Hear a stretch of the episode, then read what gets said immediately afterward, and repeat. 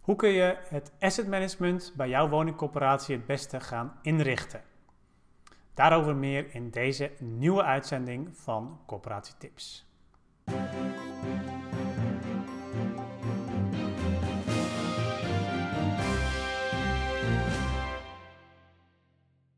Als je hebt bedacht dat je aan asset management wilt doen, of dat je het werk aan asset management wilt professionaliseren, dan zijn er vier stappen die je kunt doorlopen om het asset management echt goed in de organisatie in te gaan richten.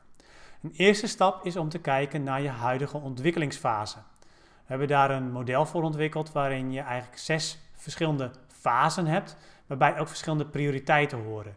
En heel veel corporaties, uh, uit ons onderzoek blijkt ongeveer 40% van de corporaties in najaar 2018 zaten nog in de fase van um, dat ze eigenlijk maar voor een deel het überhaupt het beleid over de woningvoorraad op papier hebben.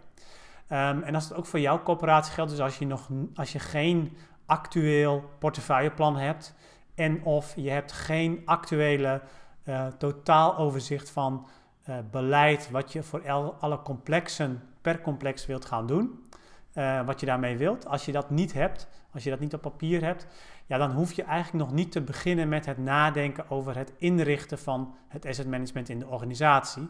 Dan is je eerste prioriteit om te zorgen dat je het beleid wel op papier zet.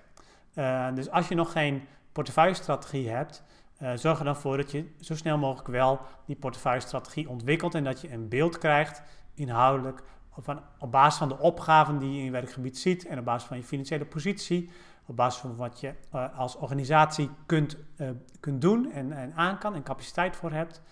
Um, en bepaal wat je dan met je woningvoorraad wilt. Als je nog niet in beeld hebt per complex wat je met die complexen wilt, ga dan eerst inhoudelijk naar de complexen kijken met de mensen die daarbij betrokken zijn of die daar kennis van hebben. Uh, zorg dat je daar de data over hebt en ga kijken van wat wil ik op hoofdlijnen met de exploitatie van deze complexen. Um, pas als je dat goed op orde hebt, dan kun je gaan nadenken over het veel structureler inbedden van asset management in de organisatie. Want dan geef je zo'n asset manager of een team van asset managers die je uh, dan wilt gaan inrichten, gaan, wilt, gaan, uh, wilt gaan inzetten, uh, geef je ook een goede start om mee te gaan werken.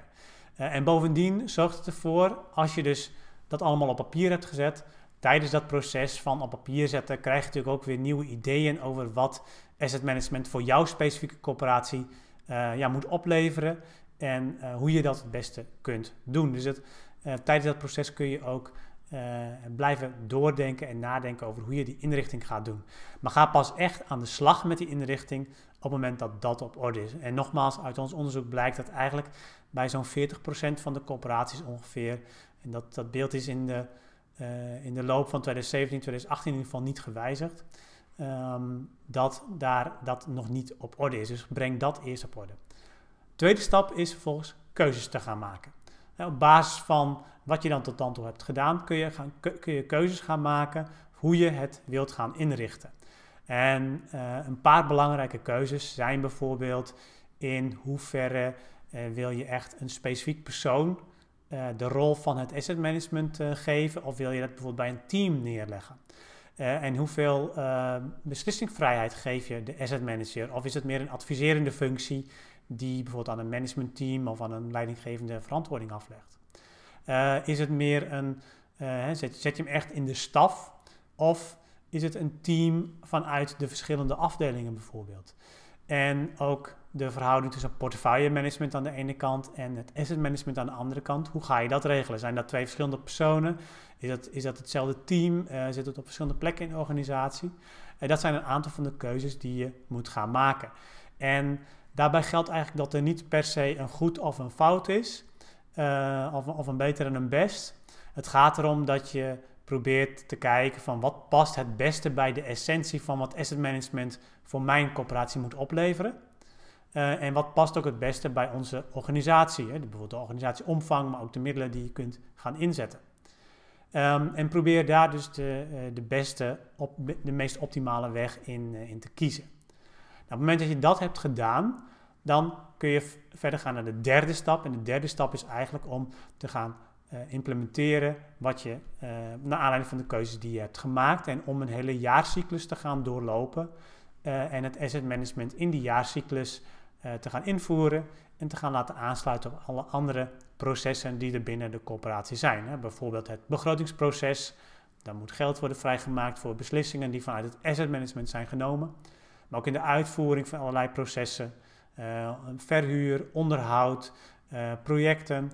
Daarin zal uh, ja, de aansluiting met het asset management gemaakt moeten worden. Nou, op het moment dat je één jaarcyclus hebt doorlopen, dan is er nog een vierde stap. En dat is eigenlijk het opnieuw ja, evalueren van de gemaakte keuzes en hoe dat is verlopen. En gaan kijken van ja, moet je dingen bijstellen?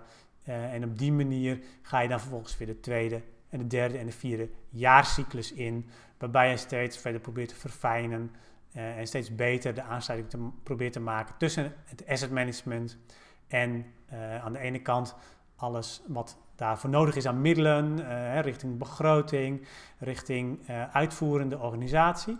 En aan de andere kant ook het, het portfolio management, waar de optelsom van alles wat je op asset niveau doet, alles wat je op complex niveau doet, moet natuurlijk uiteindelijk ook leiden tot het gewenste eindresultaat op portefeuille niveau. Dus ook daar is die verbinding natuurlijk belangrijk. Um, dat is dus de vierde stap. En die vierde stap die gaat natuurlijk steeds door, want elke jaar ga je weer een nieuwe jaarcyclus in. En uh, is dus ook het moment om weer opnieuw te gaan kijken van moeten we dingen aanpassen, moeten we dingen verfijnen. Uh, en op die manier wordt je asset management steeds beter geïntegreerd in de organisatie. Wil je aan de slag met het inrichten van het asset management voor jouw corporatie? Kijk dan ook eens naar onze trainingen die we aanbieden over asset management. De eerstvolgende trainingen kun je vinden in onze agenda op corporatiestratege.nl/slash agenda. En dan zie ik je graag tijdens de eerstvolgende training. Doei! Deze podcast is een bewerking van een video. En in de video verwijs ik ook naar voorbeelden die uh, op dat moment in beeld zijn. Deze kun je terugvinden op onze website www.corporatiestratege.nl. En als je dan helemaal onderaan de pagina de titel van deze podcast invoert, dan kom je op de bijbehorende blog en daar vind je ook de voorbeelden die ik noem.